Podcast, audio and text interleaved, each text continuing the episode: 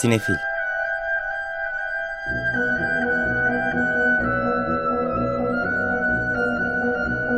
Hazırlayan ve sunanlar Melis Behlil ve Yeşim Burul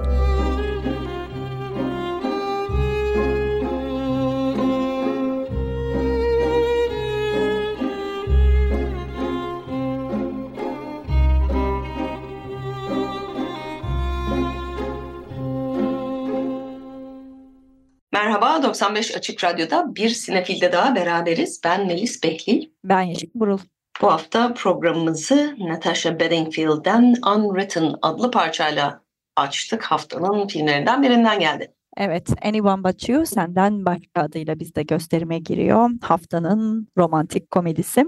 Bol şarkılı programımızın sonunda da başka şarkılarını dinleyeceğiz ama bu Unwritten'ın hani filmin içerisinde gerçekten anlamlı bir yeri var. O yüzden onunla başlayalım istedik. Ee, evet şey bir hafta e, farklı zevklere hitap eden farklı filmlerin olduğu bir hafta diyebiliriz yine.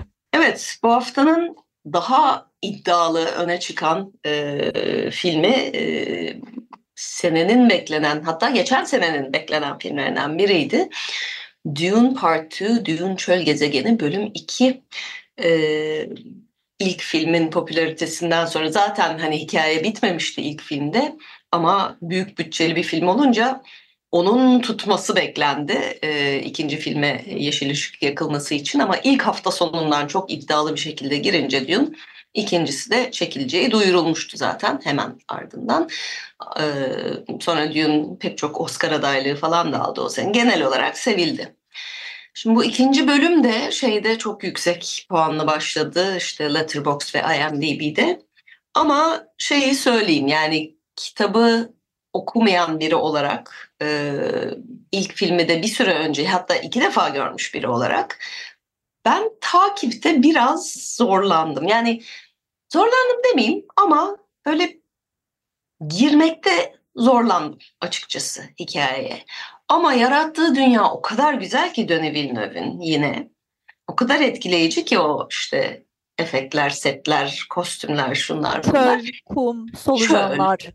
İşte onları seyretmek bile güzel bir şey. Artı zaten Timothée Chalamet ile Zendaya var. Onları seyret pek güzel bir şey.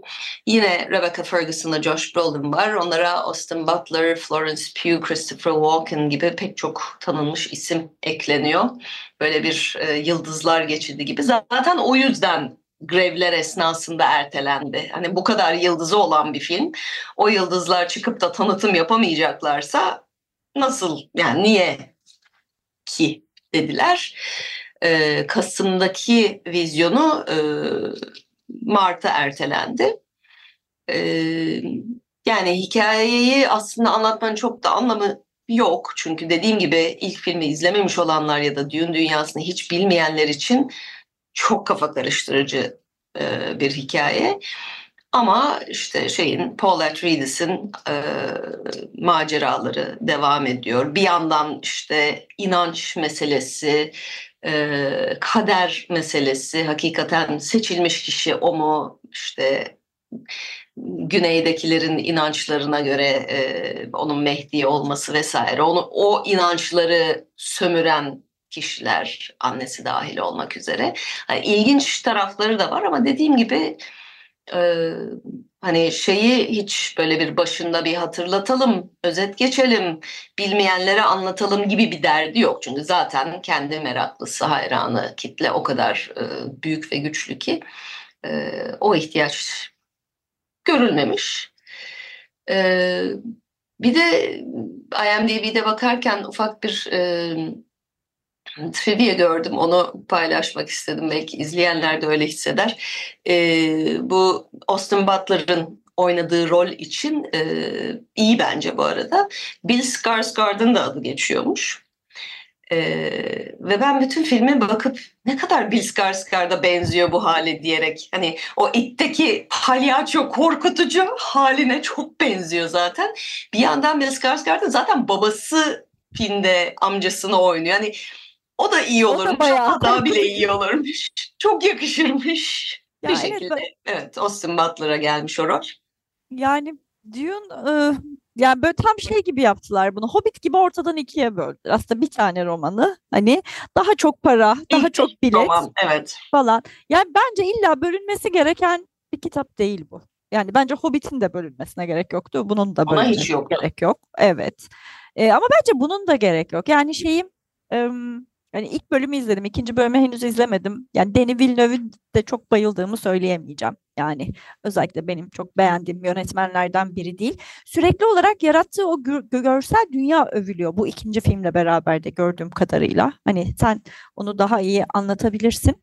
Ama yani romanda yaratılmış olan hissiyat bana ilk filmde de geçmedi. Yani roman uyarlamaları eleştiriliyorsa vesaire ise hani e, birazcık daha geçenlerde Denis Villeneuve'de bir röportajında işte şey demiş hani diyaloglar çok beni hani ilgilendirmiyor. Hani diyaloglar önemli değil bir filmin görsel dünyası önemli. Belli oluyor. Evet. E, e, e, yani görsel dünyası önemsediğini anlıyorum ama yani diyaloglar da filmin bir parçası. Yani bu yani bu karakterlere bu muameleyi yapmana gerek yok. Yani bir tarafta sen daha güçlü olabilirsin, öbür taraf için de yardım al, destek al.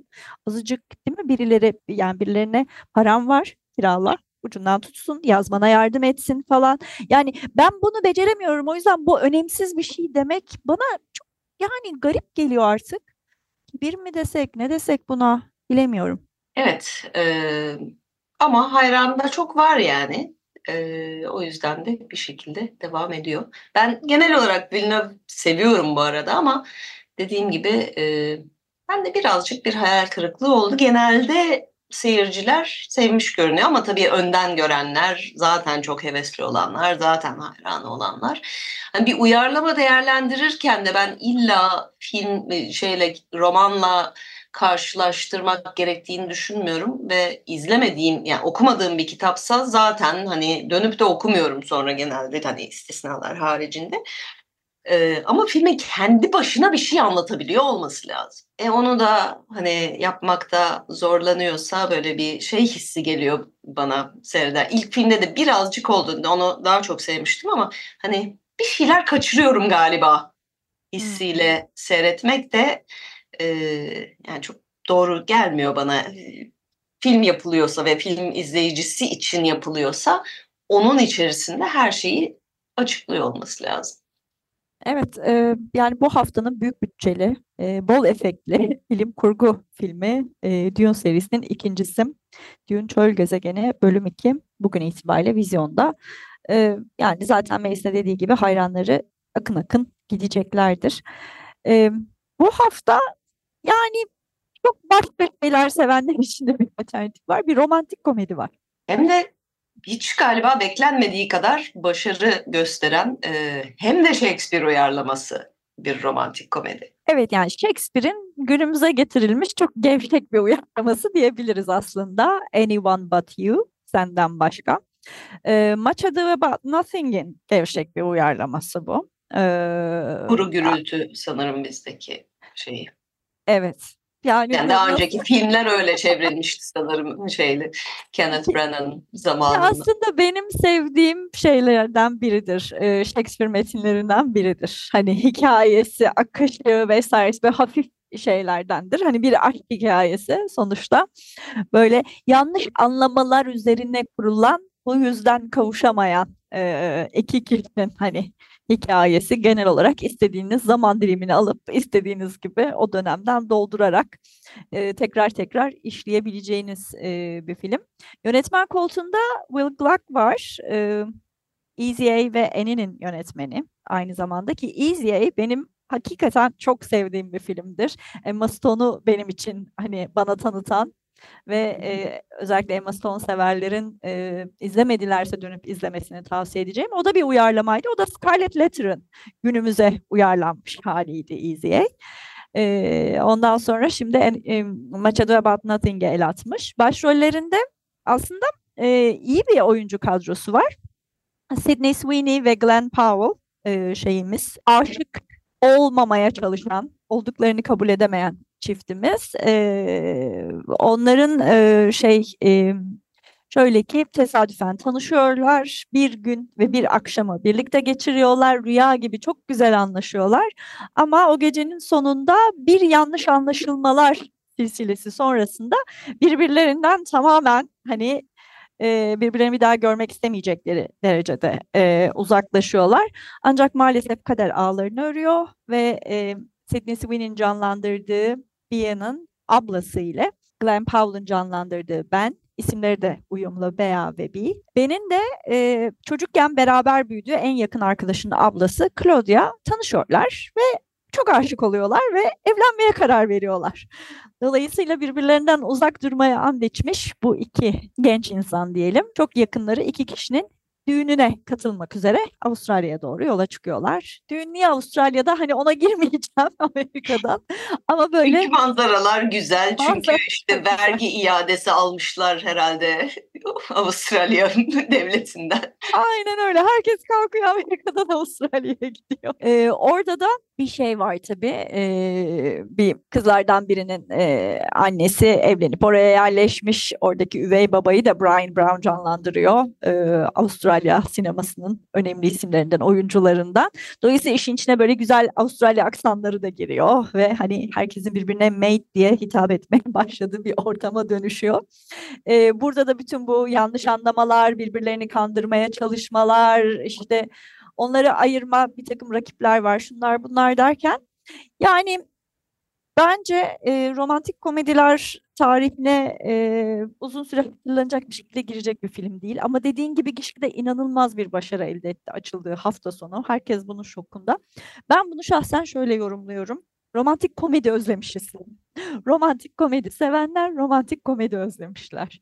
Dolayısıyla böyle azıcık hani ortalamaya yaklaşan hani burnunu birazcık sudan çıkartan ki burada sudan çıkmıyorlar sık sık suya atlıyorlar onu diyebilirim ama e, böyle bir film olunca e, insanlar sinemaya koştular izlemeye. E, yan rollerde Rachel Griffiths, Dermot Mulroney gibi e, şey isimler var, e, tanınmış e, oyuncular var, Michelle Hurd var, e, yine dizilerden bildiğimiz Darren Barnett var yan rollerde.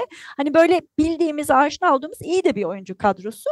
Ama tabii yani çok e, tabii ki suni ve yapay bir ortam olduğunu söylemek lazım e, bir taraftan da. Ama işte romantik komedi isteyenler için uzun süredir e, arayanlar için e, gelmiş neredeyse tek film diyebilirim. Yakın vadede de beklediğimiz filmler arasında tek bu türde pek bir şey görmüyorum açıkçası. Evet yani her zaman e, amiyane tabiriyle bir gideri oluyor. Biraz düzgün romantik komedilerin aslında ama e, azaldığında daha da değere biniyor dediğin gibi. Daha gerilimli filmlerimiz de var. Biri Derin Tehlike, Beneath the Surface. Scott Chambers ve Becca Herani yönetmişler. Başrollerde Georgie Banks, Stephanie Lodge ve Matthew Marcellus yer alıyorlar. Ee, genç bir kadın bir e, tekne tatilinde büyük beyaz köpek balığının saldırısından kurtuluyor ama bir türlü kendini toparlayamıyor ve hayatındaki o gerginlik devam etmeye de devam ediyor. E, suya giremiyor, edemiyor. Böyle bir e, onun hikayesini anlatan deniz korkulu, denizden korkutan filmlerden bir diğeri. Son zamanlarda çoğaldılar niyeyse. Evet böyle bir dönem dönem bir şey oluyor. Bu türde bir tekrar uyanış oluyor. Evet. Ama gerçekten hani denizden korkmak istiyorsanız Jaws'u izleyin yeterli diyorum ben. Daha ötesi. Ya da şey olsaydı bu romantik komedi hazır Avustralya'da geçerken orada böyle bir düğüne köpek balığı saldırsaydı falan belki ilginç bir tür e, bileşimi olabilirdi. Bir köpek balığı lafı geçiyor bir ara. O kadar da söyleyebilirim. Geçmese olmaz Avustralya'da. Haftanın bir diğer korku filmi de Dear David, Sevgili David. Burada da şeytani, çocuk görünümlü böyle bir şeytani varlık. E, David adında bu, bu çocuk. Bir adama musallat oluyor. Yok adam David adında çocuk ona musallat oluyor. Dear David hmm. diye mesajlar falan da rüyalarına Aa, giriyor. Okey. Ee, ama bu evet. da ilginç bir şey değil mi? Böyle bir Twitter feedinden falan çıkarak. Evet evet öyle bir yerden birilerine kötü bir şeyler yazıyor. Ondan sonra musallat oluyor zaten. Niye bu kadar kötü şeyler yazıyorsun insanlara diye. Belki insanlara şey olur.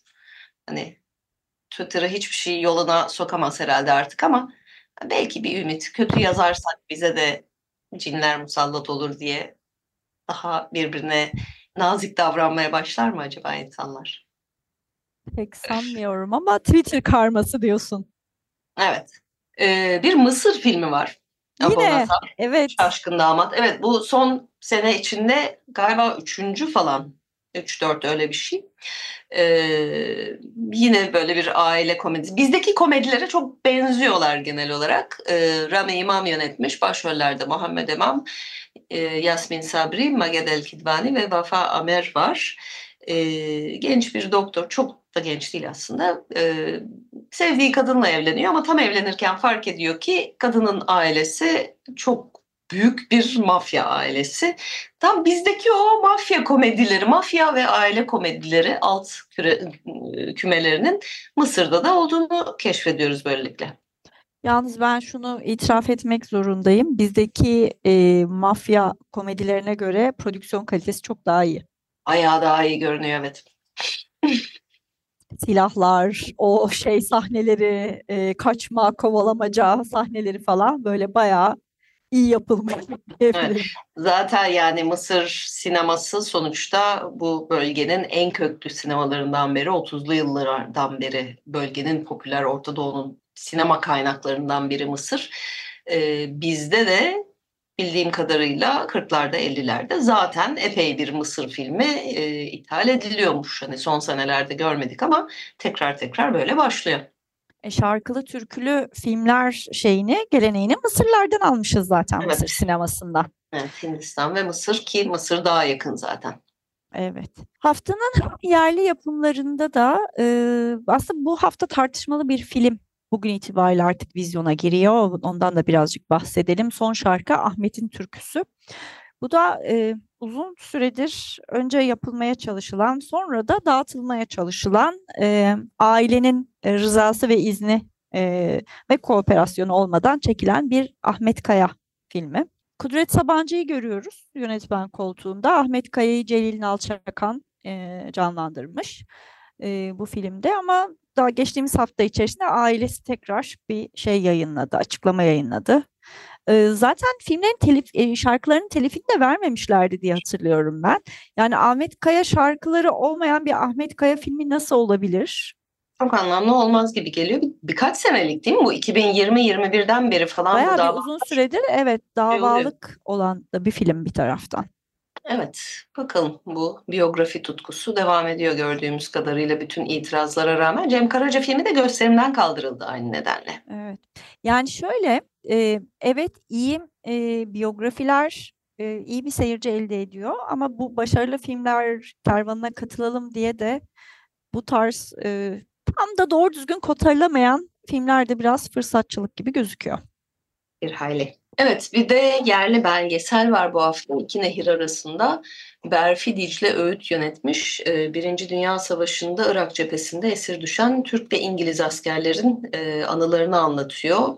Ee, Kut Muharebesi'nde esir düşen İngilizler ve Basra'da esir düşen Türkler böyle farklı bölgelere yönlendiriliyorlar, kamplara gönderiliyorlar. Onların torunlarının e, peşinden bir e, tarih belgeseli. Evet, ilginç bir tarafı da var aslında. Hani tam olarak hangi bağlamda yapıldığını bilmiyorum. Festivallerde de daha önce karşımıza çıkmadı. İlk kez Hayır yani çeşitli festivallerde oynamış ama Türkiye'deki ana festivallerden ya da uluslararası ana belgesel festivallerinde pek adını duymadık. Ama daha ufak belgesellerde gösterilmiş.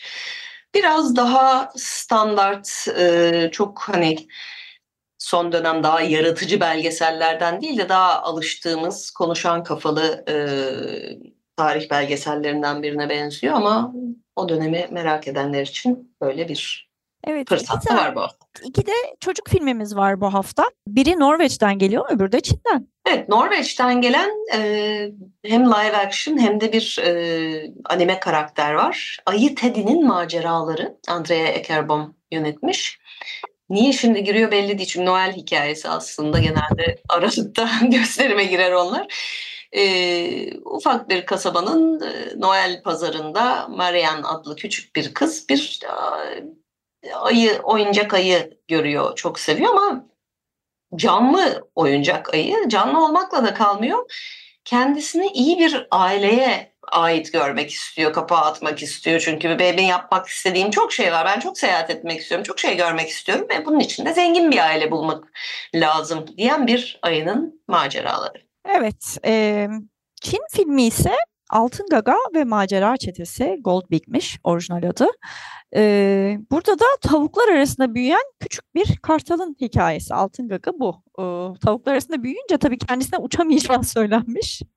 Ama büyüyünce uçarak dünyayı tanımaya e, karar veriyor. Kuşlar şehrine gidiyor ama kuşlar şehrinde kurtarılmaya ihtiyacı var. İşte tam da Altın Gaga zamanında olay yerine varıyor. Evet böyle farklı gruplar içinde büyüyen ama işte esas kimliğini bulan falan çok yaygın bir tema anladığım kadarıyla son senelerde animasyonlarda. Bunun çeşitli varyasyonlarını görüyoruz işte. Kedilerle büyüyen köpekler yok şunlar bunlar falan. Bu da onlardan biri. Çirkin ördek yavrusunun varyasyonları evet. Olarak. Evet, vizyon dışında da çeşitli e, gösterimler var tabii. Sinemateki hemen hatırlatalım. E, Sinematek programında e, bir yandan e, Mastroianni 100 yaşında devam ediyor. Bir yandan Akerman programı devam ediyor. Bu akşam saat 8'de Ettore Scola'nın özel bir günü var ki Mastroianni'nin en müthiş performanslarından biri belki de. Yarın saat 2'de Sight and Sound listesinin gelmiş geçmiş en iyi film bir numarasında şu anda oturmakta olan Jean Dillman e, uzun adresi şimdi Fransızca olarak okumayacağım. Jean Dillman e, yarın 2'de gösterimde. Evet ona böyle bayağı bir vaktinizi ayırmanız gerekiyor ama. Yani akşama kadar başka program yapmayın diyelim akşam üstüne kadar. Ondan sonra 18.30 seansında da iki daha kısa orta metrajlı filmi arka arkaya gösterilecek Akerman'ın. Önce Tembel Kadın, onun ardından da Pina Bir Gün Dedik. Pazar günü ise saat 2'de Tavuri var. Derviş Zaim'in bu seneki e, filmi. E, belgeseldi bu. E, Kıbrıs'ta geçen bir hikayeydi. Filmin e, ardından da Derviş Zaim'le bir söyleşi olacak. Altı buçukta ise yine daha e, kısa akermanlardan Patlat Şehrimi, Oda ve Otel Monterey gösteriliyor. Önümüzdeki hafta salı akşamı e, Budala Almayer gösterilecek. Çarşamba akşamı ise e, Taviani kardeşlerin Alon Sanfan gösterilecek saat 8'de. Bu da Marcello Mastroianni e, seçkisinden bir film. Yine Mastroianni seçkisinden Perşembe akşamı 8'de de Ettore Scola'nın yine Saat Kaç? Che ora e adlı filmi var. E, Sinematek'te önümüzdeki hafta boyunca. Evet önümüzdeki hafta malum Cuma günü e, bizim de programımızı yapacağımız gün 8 Mart Dünya Kadınlar Günü. E, bu bağlamda Pera Müzesi'nin sineması Pera Film e, özel bir e, gösterim ve söyleşi organize etmiş. E, her ikisi de çevrim içi. Onun altını çizmek lazım. Çünkü 8 Mart'ta Pera Müzesi'ne zaten fiziksel olarak ulaşmanın çok mümkün olamayacağını düşünüyorum. İstanbul'da yaşayanlar çok iyi biliyorlar ki o gün tüm Beyoğlu adeta bir polis ablukasına alınıyor. Hiçbir yere girilip çıkılamıyor. E, buna e, bu en turistik bölgemizdeki kültür sanat merkezleri de dahil. E, işte Perafilm 4-11 Mart arasında gerçekleşecek bir e, programla kutlayacak. E, bu bağlamda da Aylin Kuryel ve Fırat Yücel'in birlikte yaptıkları 8 Mart 2020 Bir Günce filmini e, çevrim içi olarak izleyiciyle buluşturuyorlar. Link koymuşlar web sitesinden izleyebilirsiniz. Daha sonra da e, filmle alakalı bir söyleşi gerçekleşecek. Henüz saati açıklanmamış. peramüzesi.org.tr adresinden detayları takip edebilirsiniz. Evet, e, geçtiğimiz hafta bir takım daha ödüller verildi. E, önümüzdeki haftalarda da bir takım ödüller verilmeye devam edilecek ama geçen hafta Berlinale bitti. Berlin Film Festivali e, ödüllerini dağıttı, protestolar yapıldı, bir takım korsan sosyal medya paylaşımları oldu, ortalık yine karıştı. Berlin sonrası. Önce biraz ödüllerden bahsedelim. Altın Ayı'yı e, bir belgesel aldı. Mati Diop'un yönettiği Dahomey e, filmi. Bu e, müzelerden orijinal ülkelere iade edilen eserler hakkında en azından Dahomey'e Benin'e gönderilenlerden e, yola çıkarak yapılan bu belgesel. Berlin belgesel seviyor aslında geçen sene de e, yine bir belgesel almıştı. E, bizi de sevindiriyor. Bu bir, bir film daha var bu arada ödül alanlar arasında. ilk film ödülünü e, alan da pardon Gümüş e, Ayı en iyi yönetmeni alan Nelson Carlos de los Santos Arias Pepe filmiyle aldı. Pepe böyle biraz kurmaca belgesel arası Escobar'ın e, hipopotamı üzerine bir hikaye. Bunlar hakkında ben bir yazı okumuştum bir iki sene önce. Haber okumuştum yani öyle e, egzotik hayvanlar getirtmiş Kolombiya'ya ve onlar hani o öyle kalmışlar orada falan garip bir hikayesi var. Yine Berlin'in sevdiği bir de Hong Sang-soo var tabii.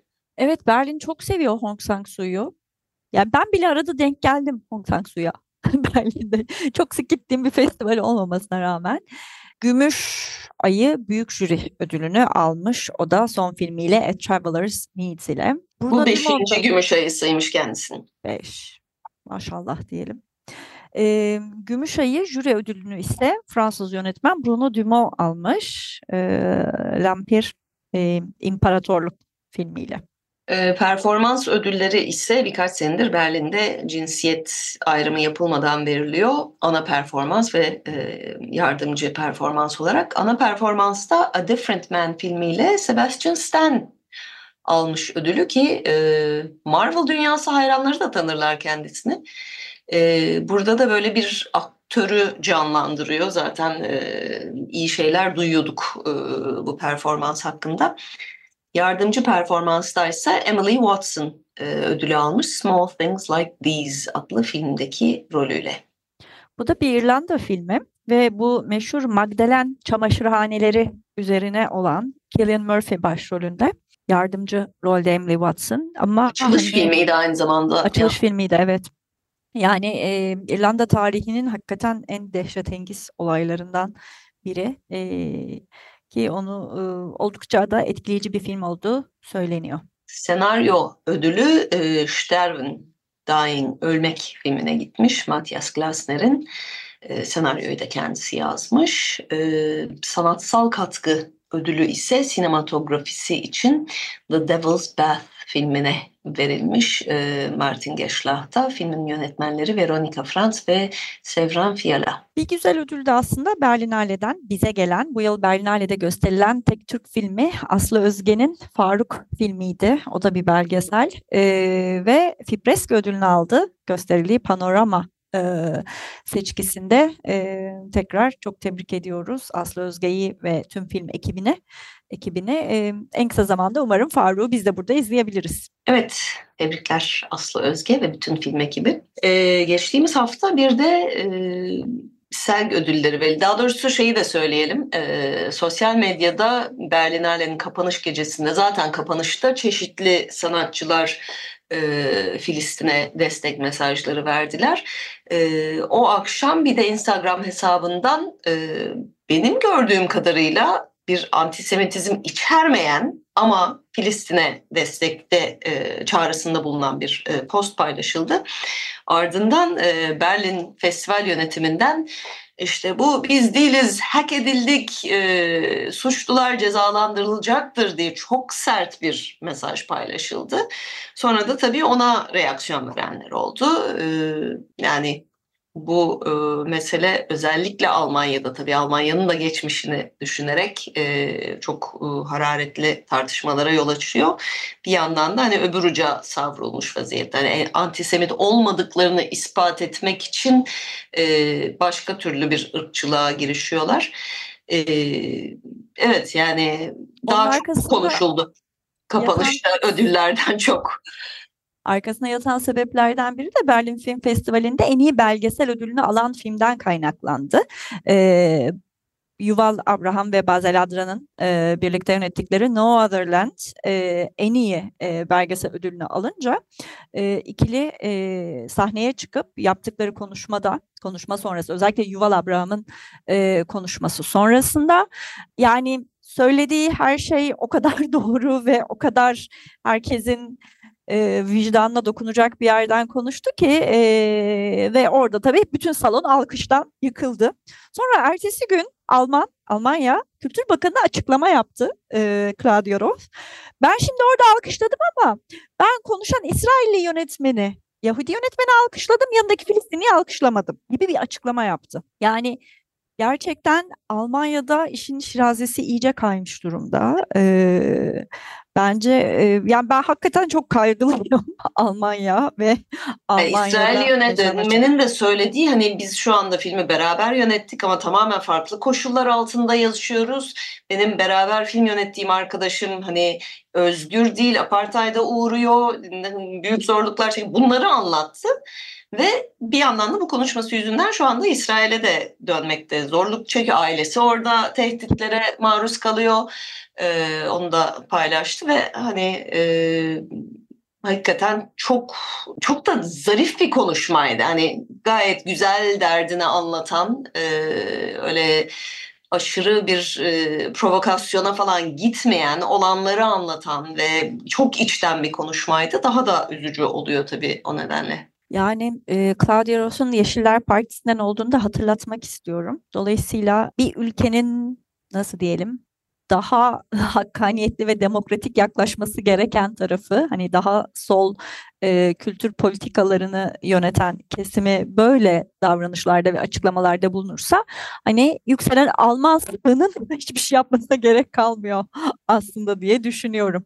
Muhalefet böyle olunca yani daha doğrusu sol böyle olunca e, aşırı sağın yükselişine de çok şaşırmamak gerekiyor herhalde orada. Evet yani bir yandan da e, Almanya'da yaşayan arkadaşlarımızdan Almanya'da ırkçılığın ne kadar aleni bir şekilde yükseldiği ve sokakta hani hakaretlere uğramaya başlamış oldukları son senelerde gibi de duyumlar alıyoruz.